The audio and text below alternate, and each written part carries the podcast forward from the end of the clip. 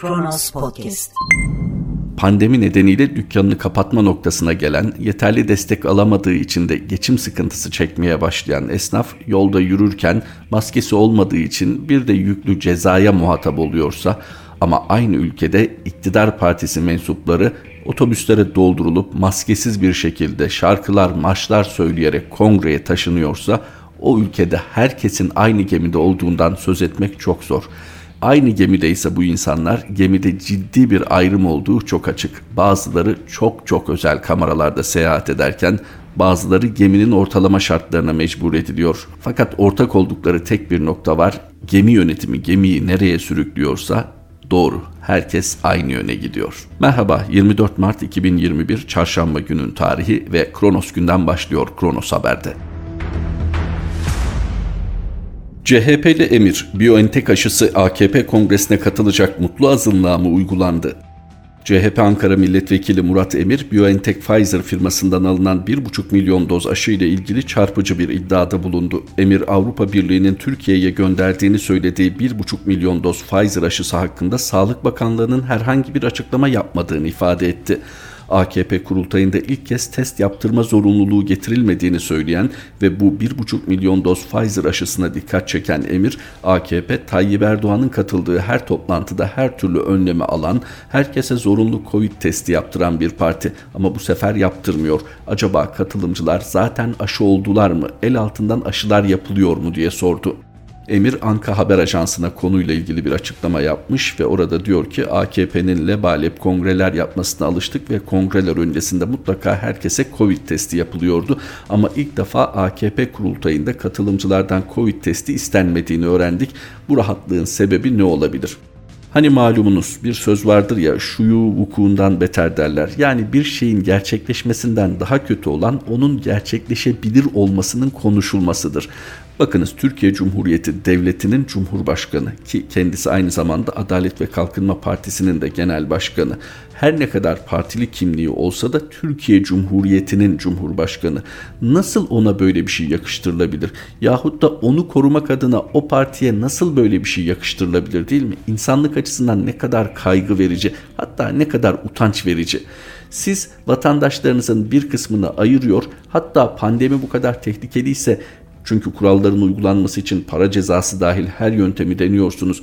Bir kısmını ölüme terk ediyor, bir kısmını yani size fiilen destek sağlayacak, sizi ateşli bir şekilde destekleyecek kısmını ise aşıyla koruyorsunuz. Bakınız bu çok ciddi, çok vahim bir iddia. Sayın Emir aşı konusuyla başından beri ilgileniyor. Sık sık bu konuda açıklamalarda bulunuyor. Sayın Emir'in aşı konusundaki bu iddiasını yalanlamanız yeter mi? Yoksa Sağlık Bakanlığı Avrupa Birliği tarafından Türkiye'ye gönderilen 1,5 milyon doz Pfizer-BioNTech aşısının ne olduğunu açıklar mı? Bu konu açıklığa kavuşmazsa soru işaretleri giderilemez. Tabii bunu önemsiyorsanız yani halkınızın zihninde bir taraftan seçmen de olduğunu hatırlatalım belki daha etkili olur. Bir takım soru işaretleri varsa kendi hayatının devamıyla sağlığıyla ilgili bir takım soru işaretleri varsa e bunu hükümetten başka kim açıklığa kavuşturacak? Kalkıp demeyecek misiniz ne münasebet biz nasıl olur da kendi partililerimize bu aşıyı yapar diğer vatandaşlarımızı dışlarız böyle bir şey yapılabilir mi diyecek misiniz? Ya da Murat Emir'i sessizce onaylayacak mısınız? Hani sosyal medyada da paylaşıldı ya o lebalep il kongrelerinden bahsetmiyorum. Şimdi otobüslerle Ankara'ya kongreye giden üyelerin rahatlığından bahsediyorum. Hani uyarılmamış olabilir mi bu insanlar? Yahut da neden bu kadar rahatlar? Allah'a güvendikleri için mi? Yani kendilerini tamamen Allah'a teslim ettikleri için mi? Öyle de olsa başkalarının sağlığı için tedbire uymaları gerekir. Fakat Sayın Emir'in sorusu şüpheleri arttırıyor. Bu 1,5 milyon doz aşı AK Partililere mi uygulandı? Bu sorunun cevabını vermekse pandemi ortamında artık siyasi değil ahlaki bir sorumluluk. Bakan yardımcısından ekonomik krize Hazreti Musa kıssalı savunma, nankörlük. Kültür ve Turizm Bakanlığı Bakan Yardımcısı ve eski Türk İşbirliği ve Koordinasyon Ajansı Başkanı Serdar Çam'ın Türkiye ekonomisinin bir gecede 1 trilyon lira değer kaybına uğramasıyla ilgili yorumu büyük tepki çekti. Hazreti Musa'dan örnek veren Çam, onun kavminin en önemli hatalarından birinin de nankörlük olduğunu söyledi. Çam'a göre onca güzel imkan ve ikrama rağmen bir türlü kavmini memnun edememesi bizlere nasihattir. Twitter hesabındaki paylaşımda Serdar Çam, Musa Aleyhisselam'ın kavminin hatalarını anlatan kıssalardan biri de nankörlük. Onca güzel imkan ve ikramlara rağmen bir türlü kavmini memnun edememesi bizlere nasihattir. Yüzlerce badireyi salimen geçmişiz, ara ara önümüze çıkan tümsekleri dağ gibi görmemeli, sabırla hepsi aşılır inşallah ifadelerini kullandı. Çam'ın bu paylaşımı başta AKP'yi destekleyen sosyal medya kullanıcıları olmak üzere büyük tepki çekti. Serdar Kaya isimli kullanıcı, Serdar Bey Kültür Bakanlığı bir yardımcı eksiltmekte bir şey kaybetmez. Buyurun sizi onca güzel imkan ve ikramlarla dolu asgari ücretli bir işe alalım sonra atın bu tweetleri diyerek tepki gösterdi. Furkan Nesim 21 isimli kullanıcı ise bomboş bir kıyas sadece şunu söylemek kafi. Musa aleyhisselam milleti zillet içindeyken kendi saraylarda yaşamadı. Bir kıyas yapılacaksa Musa aleyhisselamın karşısındaki zevatla Musa aleyhisselamın zillet içinde olan kavmini kıyaslamalı daha tutarlı olacaktır ifadeleriyle tepkisini ortaya koydu. Elbette burada uzun uzadıya durulması gereken bir bakan yardımcısının sosyal medya paylaşımı değil. Fakat bu sosyal medya paylaşımıyla ortaya konulan zihniyete dikkat etmek gerekiyor. Evet Adalet ve Kalkınma Partisi'nin başta gelirken iktidar olmak için ortaya koyduğu değerler neydi? Avrupa Birliği, demokrasi, insan hakları. Peki iktidarının 19. yılında neden bahsediyor bize Adalet ve Kalkınma Partisi? Din, iman, kıssa, nasihat. Herkesin özel hayatı, herkesin kendi inancı, inanır inanmaz, inancının gereğini yerine getirir getirmez. Fakat demokratik bir hukuk devletinde iktidarın savunusu bu olmamalı. Bakın gerçeklik payı da olabilir. Gerçekten dediği gibi çok büyük işler yapmış olabilirler. Halkın buna karşı nankörlük ettiğini düşünüyor olabilirler. Olabilir.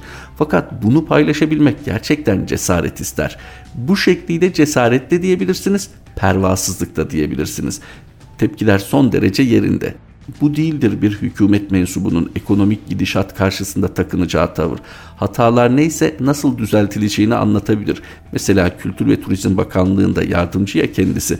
Acaba pandemi şartlarında elde edilemeyen geliri nasıl telafi edeceklerini, bugüne kadar bunun için ne tür planlamalar yaptıklarını, yazı nasıl geçireceklerini bunları paylaşmasını beklersiniz Kültür ve Turizm Bakanı'ndan. Ama Ayasofya Camii imamı ekonomiyle ilgili paylaşımlarda bulunurken ve iddialı söylemler ortaya koyarken e, Kültür ve Turizm Bakanı yardımcısına da herhalde bu düşüyor gerçekten. Sabredin, nankör olmayın, her şey yoluna girecek. Bakın insanlar zaten sabredilecekse, nankörlük edip etmeyecekse bu onların inançlarıyla ve kişisel algılarıyla ilgili dünyayı, ahireti ve dini.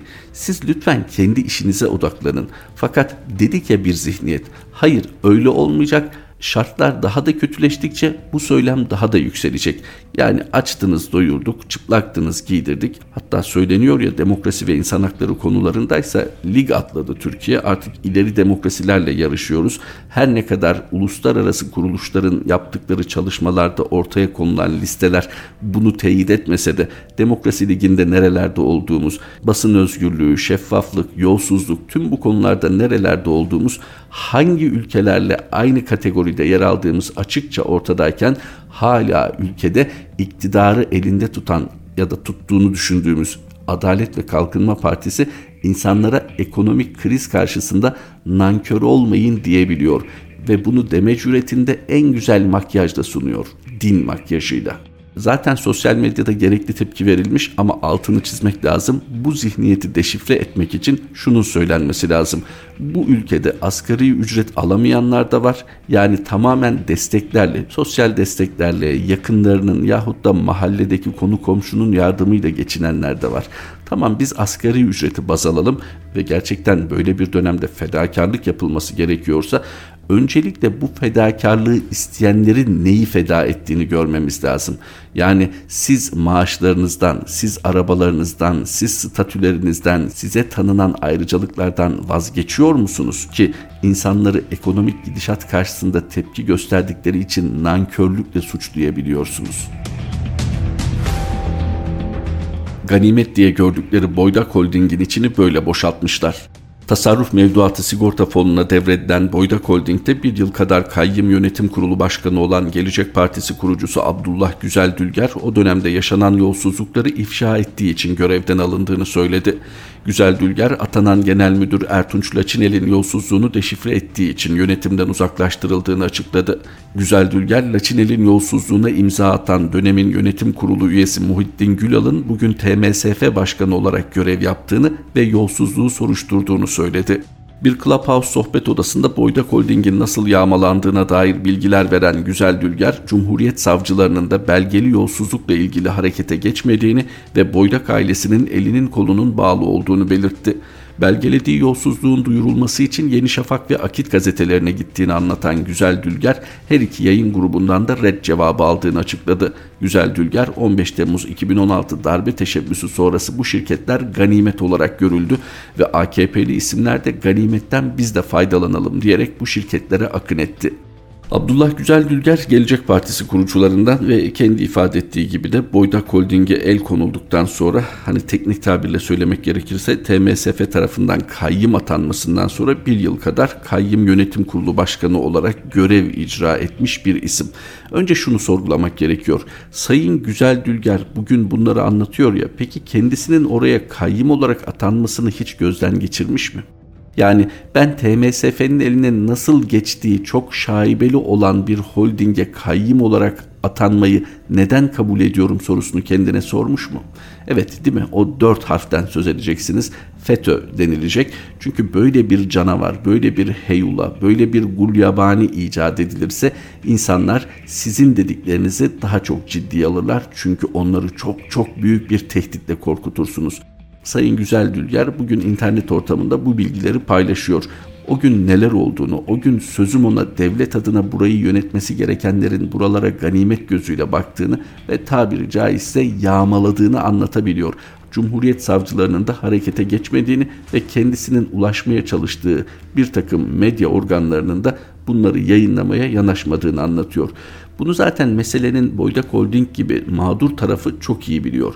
Yani Boydak Holding yağmalanmışken Boydak Holding'in gerek bölgeye gerekse ihracat yoluyla ülkeye kazandırdıkları ortadayken şimdi bunun nasıl bir kayba dönüştüğü özellikle bölge insanları tarafından iyice hissedilirken çok anlamlı mı bunlar? Evet tarihe not düşmek açısından anlamlı. Fakat Güzel Dülger'in bir öz eleştiri yaptığını da görmüyoruz burada. Güzel Dülger burada Gelecek Partisi kurucusu olarak kendi ve partisi adına bir algı oluşturmaya da çalışıyor. Haklıdır da siyaseten fakat önce temeli doğru atmak gerekiyor. Sizin kayyımlığınız da doğru değildi. Böyle bir görevi kabul etmeniz de doğru değildi hakkaniyet adına.